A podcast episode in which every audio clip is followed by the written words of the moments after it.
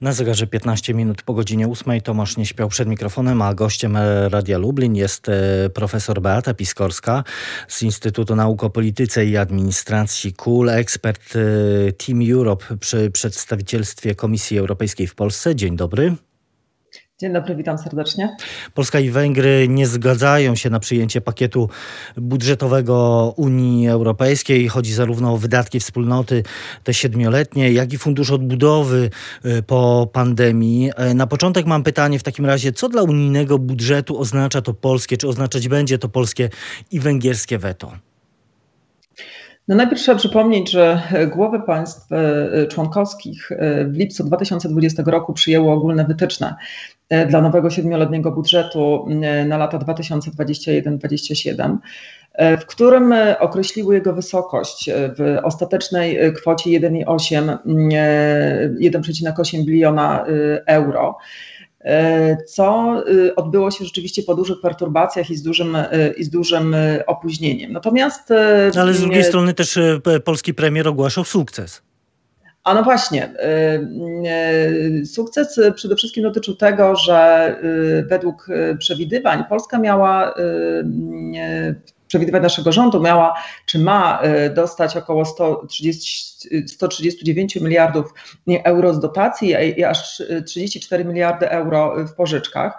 I rzeczywiście ten sukces według polskiego rządu miał być bezwarunkowy, to znaczy ogłoszono wówczas, premier Morawiecki ogłosił, że nie ma powiązania między praworządnością a środkami z budżetu, co oznacza przede wszystkim, że ta, ten mechanizm, który był forsowany przez państwa Unii Europejskiej, przede wszystkim przez Niemcy, Niemcy nie, nie wejdzie w życie. Natomiast rzeczywiście ostatni szczyt poniedziałkowy ministrów pokazał, że mm, Polska i Węgry, dwa państwa sprzeciwiły się z ich perspektywy temu niekorzystnemu projektowi rozporządzenia, ponieważ przypomnę, że jest to rozporządzenie, w którego efekcie wstrzymały procedury w sprawie wszystkich elementów pakietu.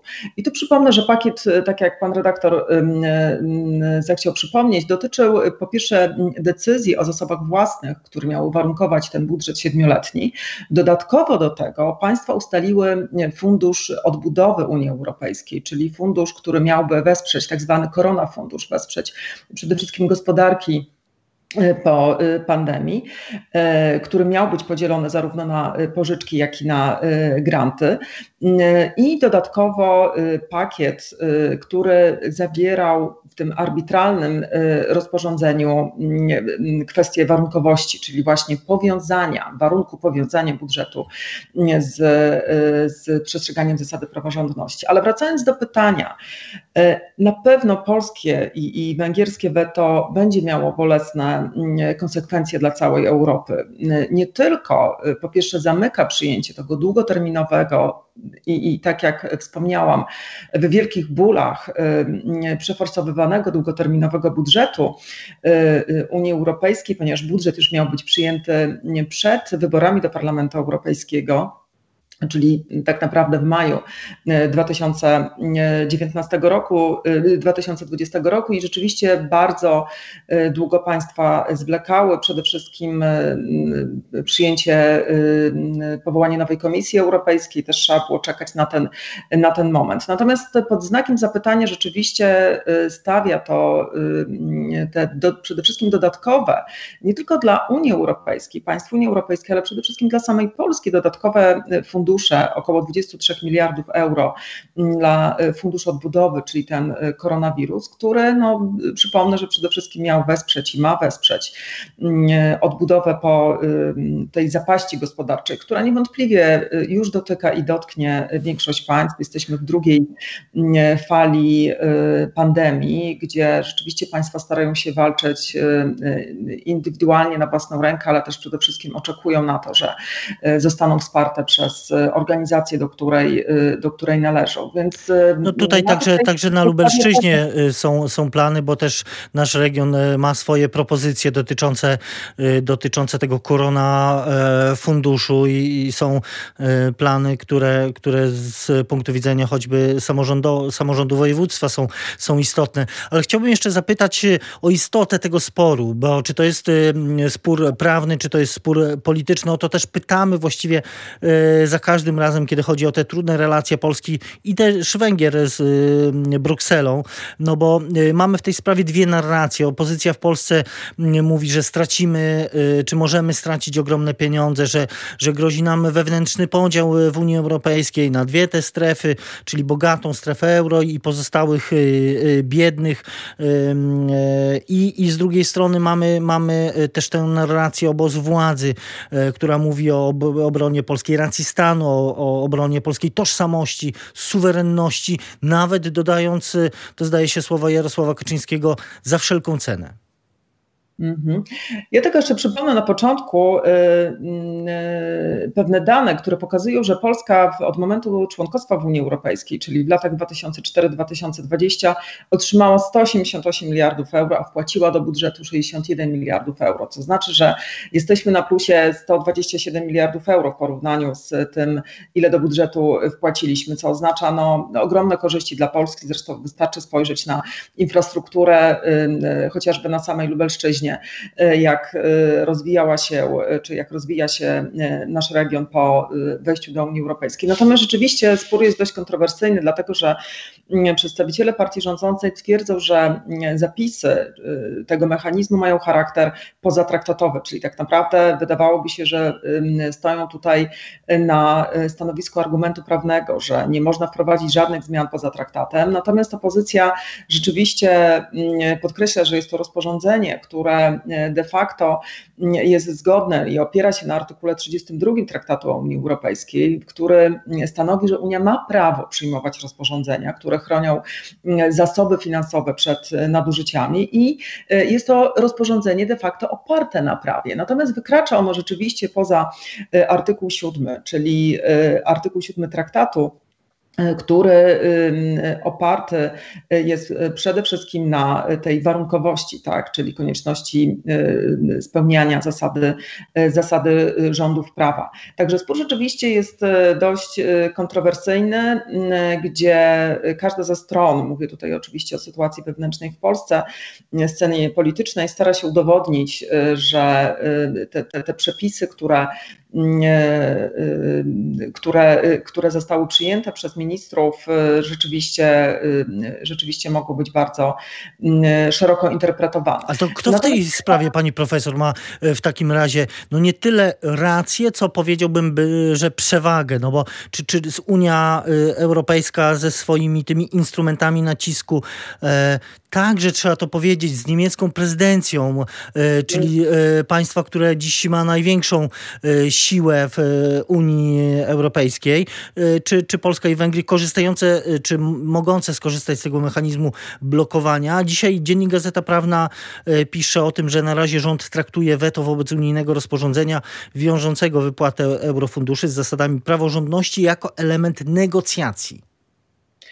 Y, dokładnie. Rząd polski jeszcze przed y, tym poniedziałkowym szczytem y, informował tak, w liście do komisarz, przewodniczącej Komisji Europejskiej, ale też do szefa Rady Europejskiej, że będzie chciał podjąć negocjacje w sprawie usunięcia tego mechanizmu powiązania budżetu z praworządnością. Natomiast rzeczywiście jest tutaj, tak naprawdę widziane są tutaj dwa scenariusze i rzeczywiście polska, niemiecka prezydencja może tutaj odegrać y, dużą rolę, zwłaszcza, że ambasador y, Niemiec przy Unii Europejskiej podkreślił, że nie jest to czas, tak? Nie jest to czas, kiedy y, możemy jakby walczyć o swoje racje i przede wszystkim pokazywać tą, to, tą grę sił, tak? Ponieważ znajdujemy się w głębokim kryzysie i rzeczywiście Polska i Węgry narażają Unię Europejską na, na kolejny kryzys w momencie, kiedy największym priorytetem powinno być pokazywanie jedności Unii Europejskiej. Dlatego państwa członkowskie te, te 25 państw członkowskich przyjęły de facto wspólny front, żeby negocjować, negocjować z Polską i Węgrami na temat przede wszystkim przyjęcia y, budżetu, który, y, tak jak cały czas tutaj mówimy, był bardzo trudny do przyjęcia, przede wszystkim ze względu na ten zapis o funduszu odbudowy. Sprzeciwiały się temu przede wszystkim państwa północy, tak zwane państwa skąpe. Między innymi Holandia. Holandia, tak, które, które de facto nie chciały ponosić odpowiedzialności za to, żeby w tym okresie dwudziestoletnim spłacać, bo są to, przypomnę, przede wszystkim płatnicy netto do budżetu. No, Polska być może za 20 lat również e, przetransformuje swój status e, na, na płatnika netto z, płat, z, tego biorcy prawda, e, budżetu. Natomiast ja widzę tutaj dwa scenariusze, jeżeli chodzi o ten, e, o ten spór, ponieważ coraz częściej mówi się o tym, że państwa członkowskie jednak zdecydują się na dość ostre działania, na wzmocnienie narzędzi finansowych strefy euro, czyli przede wszystkim może powstać coś w rodzaju strefy euro plus, o tym mówi się już dość, dość długo i rzeczywiście Polska zostanie poza tym, y, poza tym y, wzmocnionym mechanizmem. Ale już o drugim scenariuszu pani profesor porozmawiamy y, w dalszej części naszej A? rozmowy. Profesor Beata Piskorska z Instytutu Nauk o Polityce i Administracji KUL, ekspert Team Europe, jest gościem Radia Lublin. Zapraszamy na ciąg dalszy naszej rozmowy na radio.lublin.pl i radiowego Facebooka. Słuchaczom radia bardzo dziękujemy. Dziękuję bardzo. Profesor Beata Piskorska e, jest nadal z nami. E, rozmawiamy o zapowiadanym wecie Polski Węgier w sprawie unijnego budżetu. No właśnie, dwa scenariusze możliwe. Je o jednym już pani wspomniała. Jaki jest drugi? No drugi scenariusz nie jest korzystny również dla Polski, ponieważ być może, i, i takie sytuacje już w Unii Europejskiej były praktykowane, Państwa członkowskie, te, ta 25, tak, może wyjść z rozwiązaniami budżetowymi poza instytucje Unii Europejskiej. Y, doświadczyliśmy już tego, przykładem tego było między innymi negocjowanie traktatu z Schengen, czy niektóre mechanizmy współpracy policyjnej, jak również y, y, traktat fiskalny, czy, czy, czy Europejski Mechanizm Stabilizacyjny przy kryzysie w strefie euro. I tu rzeczywiście państwa zastosowały metodę międzyrządową. Co to oznacza? Że Unia Europejska może przekształcić przekształcić się w Unię międzyrządową, tak? czyli tu ten, ten, ta dyskusja na temat y, y, tego podejmowania decyzji wspólnotowego przez instytucje Unii, czy międzyrządowej przez rządy państw członkowskich rzeczywiście jest dużym ryzykiem dla utrzymania tej spójności, solidarności, stabilności Unii Europejskiej. Natomiast ta A to narracja... by oznaczało w takim razie, że silniejszy, że duży może więcej, że silniejszy będzie y, miał większe wpływy? Nie silniejszy, tylko przede wszystkim no 25 państw to są państwa o różnym potencjale, więc y, w tym przypadku nie mówimy tutaj, że y, będzie to tylko silniejsze. Y, natomiast no, budżet Unii Europejskiej jest jednym z podstawowych instrumentów, tak, który powinien funkcjonować, ponieważ dzięki temu państwa członkowskie mogą uzupełniać, bo, bo przypomnę, że budżet tylko uzupełnia budżety narodowe. Natomiast nieprzyjęcie tego budżetu do końca roku rzeczywiście może stać się bardzo dużym, bardzo dużym problemem. Są na to y, oczywiście rozwiązania alternatywne, czyli tak zwany y, budżet, y, budżet alternatywny, którym, czy też budżet awaryjny, tak, w którym, o którym mówi się coraz częściej, czyli tak zwane prowizorium e, e, budżetowe, natomiast ono również nie będzie do końca korzystne z punktu widzenia nie tylko państw członkowskich, ale przede wszystkim z punktu, z punktu widzenia Polski, ponieważ będzie to pewna forma skopiowania budżetu z 2020 roku. I, i właśnie o, tej, o tym prowizorium, no tutaj też mamy znowu dwie narracje, no bo hmm. opozycja w Polsce twierdzi, że na tym Polska może stracić, z kolei część europosłów, część polityków obozu władzy mówi, że to prowizorium może się jednak okazać korzystne dla, e, dla niektórych krajów, także, także Polski. E, europoseł Jacek Sariusz-Wolski e, twierdzi, że te środki w ramach prowizorium budżetowego mogą w przyszłym roku być większe o, o jedną czwartą nawet niż, niż w ramach tego nowego budżetu. To jak to, jak to jest? A no właśnie, czyli kolejny spór polityczno-prawny tak naprawdę. Bo niektórzy też, też z kolei twierdzą, jeszcze tylko dodam, że, że mhm. jeśli Warszawa nie porozumie się z Brukselą, no to my tych pieniędzy nie dostaniemy, trafią one do, do puli. To jest kwestia tego funduszu choćby odbudowy, prawda? Tu, tutaj, że one trafią do, do ogólnej e, puli i pozostałe kraje między sobą w ramach jakichś umów międzyrządowych mogą je rozdysponować. No do tego jest jeszcze daleka droga, jeszcze parę instrumentów zostało, żeby doprowadzić do przyjęcia budżetu w mm, obecnym kształcie, więc tutaj y, myślę, że jeszcze mm, no, niedużo, ale trochę czasu jest, żeby te negocjacje podjąć. I, i tu ja jestem pełna nadziei, że polski rząd rzeczywiście nie będzie chciał pogrążyć Unii Europejskiej i tej jedności Unii Europejskiej, y, traktując sprawę, no, wydaje mi się, troszeczkę y, honorowo i, i pokazując swoją no, siłę, ale w takim, w takim rozumieniu negatywnym, ponieważ no, ja również stoję na stanowisku, że to nie jest czas, żeby, żeby grać e, takimi instrumentami, tym bardziej, że tak naprawdę ogłosiliśmy sukces w lipcu, tak, że uzyskaliśmy dość dużo środków, z których teraz chcemy de facto zrezygnować. Jeśli chodzi o prowizorium, to rzeczywiście są dwa stanowiska, natomiast de facto to, co jest niekorzystne z przyjęcia takiego rozwiązania, to przede wszystkim zasady prolongacji tak, na ten rok, w którym będą obowiązywać obowiązywać limity, ponieważ ten budżet będzie wypłacany w specyficzny sposób, realizowany w specyficzny sposób, będzie podzielony na e, jedną dwunastą i w każdym miesiącu ta kwota będzie mogła być wydatkowana. Natomiast co jest podstawowym problemem? Mamy wiele projektów wieloletnich, tak, przede wszystkim projektów infrastrukturalnych, gdzie mm, znaczna ich część będzie miała duże opóźnienie, gdzie y, przede wszystkim y, korzystają z tego też rolnicy, przedsiębiorcy. Nie są to nowe instrumenty. Takie instrumenty już były wykorzystywane, natomiast y, rzeczywiście pod znakiem zapytania stanie Fundusz Odbudowy, na którą liczą, liczą państwa, tych pieniędzy nie będzie. E, a przypomnę, że miał być już uruchomiony w styczniu 2021 roku i, i, i przydałoby się na pewno państwom, żeby wesprzeć budżety narodowe, no rzeczywiście już mocno ograniczone, jeżeli chodzi o walkę z, walkę z kryzysem. I jeśli to weto zostanie utrzymane, bo w czwartek odbędzie się wideokonferencja już przywódców, tak, liderów E, nie ministrów, na którym będą podejmowane kolejne, kolejne rozmowy. Natomiast no, rzeczywiście te nowoczesne technologie ułatwia to w pewien sposób normalne funkcjonowanie, regularne funkcjonowanie nie tylko instytucji, jaką jest Unia Europejska, organizacji, ale też no, no, no, no, wszystkim y, y, obywatelom w różnych formach. Natomiast to, co jest niekorzystne, to przede wszystkim te metody negocjowania, ponieważ w regularnym trybie, no i być może taki szczyt odbędzie się, zaplanowany jest na grudzień, można podejmować indywidualne rozmowy, negocjacje.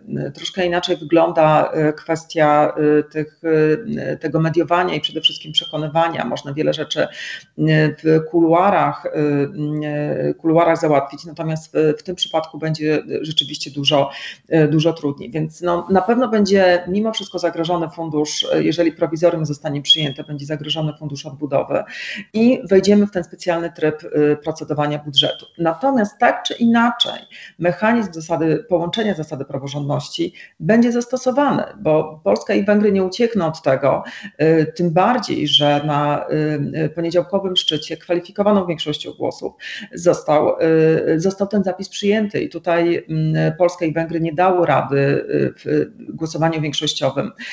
To znaczy, że siła negocjacyjna ewentualna Polski i Węgier została osłabiona?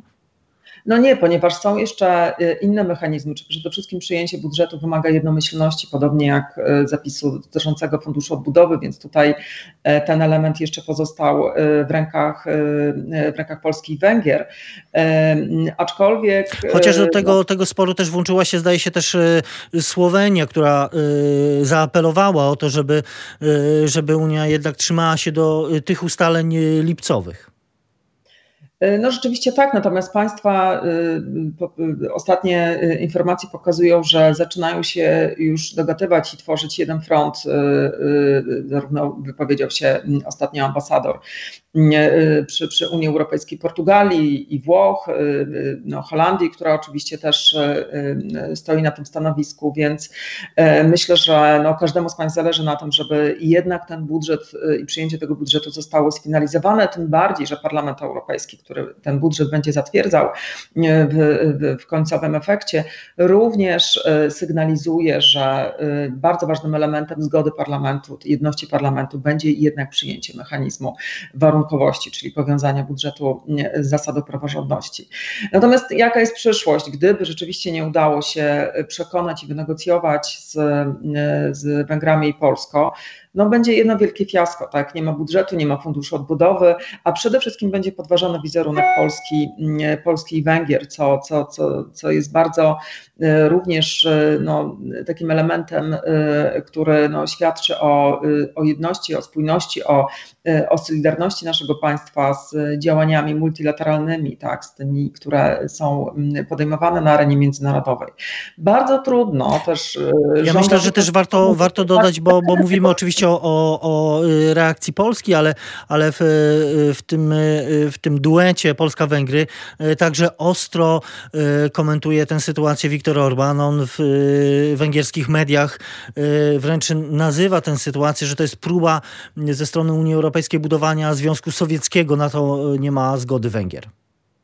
No, nie ma się czemu dziwić e, tej narracji i, i specyfice działania Wiktora Orbana, który tak naprawdę te mechanizmy, bo, bo tutaj to trzeba też wyraźnie, wyraźnie podkreślić, e, związane z powiązaniem budżetu z praworządnością, nie tyle są wykierowane bezpośrednio w Polskę, co przede wszystkim w Węgry. Dlatego, że zasada praworządności, no, wielu przywódców mówi, no przede wszystkim Polski i Węgier, że ta zasada jest niejasna. I rzeczywiście zasada praworządności, która została, czy też powiązanie zasady praworządności z budżetem, która została wysunięta, yy, przypomnę, w 2017 roku przede wszystkim przez Niemcy, ale już wtedy Juncker podkreślał, że ta zasada będzie, użył takiego słowa trucizną dla Europy, tak? czyli wprowadzi niezgodę, co, co, co zresztą, czego zresztą doświadczamy. Widzimy to, tak. Tak, e, tak. Natomiast on, te problemy z zasadą praworządności dotyczą dwóch e, głównych e, problemów. Po pierwsze, złe wydatkowanie budżetu, czyli ta zasada praworządności ma być, jakby ma dotyczyć przede wszystkim tego, że Węgry, tak, które są państwem o dużym poziomie korupcji, źle wydatkują. Polska nie ma z tym jakiegoś większego problemu, ponieważ znajdujemy się w czołówce, jeżeli chodzi o wydatkowanie funduszy strukturalnych. Natomiast problem rzeczywiście mają Węgry, gdzie przyjaciele, w cudzysłowie Wiktora Orbana, czerpią ogromne zyski z Unii Europejskiej. No i niestety Węgry spełniają ten niechlubny, niechlubny wymóg właśnie złego wydatkowania środków z budżetu Unii Europejskiej. Dlatego ten mechanizm de facto bardziej dotyczy w tym momencie tego złego wydatkowania Węgier niż Polski. Natomiast w Polsce oczywiście istnieją obawy o pogorszeniu się sytuacji tego sprawiedliwego, właściwego wydatkowania. E, Druga rzecz to, to, te, to, na co Polska nie może się zgodzić, czy nie chce się zgodzić, jeśli chodzi o obóz e, władzy, e, to nadmierna ingerencja w polską reformę wymiaru sprawiedliwości, bo tutaj o tym też mówi, stąd też reakcja z kolei polskiego ministra sprawiedliwości w, w tej sprawie. No dokładnie, to wszystko w, tym momencie schodzi już na spór nie tyle prawny, co polityczny, prawda, gdzie y, no, przede wszystkim państwa członkowskie y, Unii uznały, że y, uruchomienie mechanizmu artykułu 7, który początkowo był stosowany wobec obu państw, jako pierwsze państwo y, dotknął Polski, y, a nie Węgier, y, stwierdził, że te formy presji stały się nieskuteczne i, i trzeba jednak przejść do, do innego mechanizmu, ponieważ no nie da się zmusić państwa, te, te negocjacje z Komisją Europejską o, dotyczące przestrzegania zasady praworządności trwają już do długo, dość długo, dlatego Dlatego y, y, jakby postanowiono zastosować, y, zastosować inne mechanizmy. Również ze względu na to, na ryzyko pogarszającej się sytuacji w Polsce, jeżeli chodzi o no przede wszystkim rozdzielność władzy, ale też uzależnienie wymiaru sprawiedliwości od, e, od obozu rządzącego, na co Unia Europejska e, zgodnie z artykułem 7 również zgodzić się, zgodzić się nie mogła. Natomiast problem podstawowy tkwi w tym, że nie jest samym problemem przyjęcie tego mechanizmu, tak? tylko przede wszystkim państwa, które które nie obawiałyby się, że ten mechanizm może być kiedykolwiek uruchomiony, ponieważ no, nie oznacza to jakby równoczesne zabranie środków czy uzależnienie środków, jeżeli nawet ten mechanizm wejdzie w życie. Tylko w tym momencie jest to pewna, pewna gra polityczna, pokazywanie swojego znaczenia. Natomiast ja nie uważam, że jest dużym sukcesem wynik głosowania 25 do 2, ponieważ no, no, to jest jakby odwracanie pewnej narracji tak? i tego postrzegania polskiego i, i, i Węgier, węgierskiego sukcesu, ponieważ mając przeciwko sobie 25, 25 państw do dwóch państw, no trudno nazwać to jakimś większym, jakimś większym już jedno, już jedno e, głosowanie 27 do 1 e, zdaje się prze, przeżywaliśmy. Co z tego wyniknie? No, pierwsze decyzje czy pierwsze ustalenia być może poznamy już jutro, w czwartek ten wideo szczyt unijny, ale zdaje się też jakichś wiążących wielkich decyzji spodziewać się nie należy. To na pewno jeszcze potrwa. Będziemy zatem do tego i wracać. Tymczasem bardzo dziękuję za dzisiaj dzisiejszą rozmowę profesor Beata Piskorska, Instytut Nauk o Polityce i Administracji KUL, ekspert Team Europe przy przedstawicielstwie Komisji Europejskiej w Polsce, była gościem Radia Lublin. Bardzo dziękuję jeszcze raz. Bardzo dziękuję również.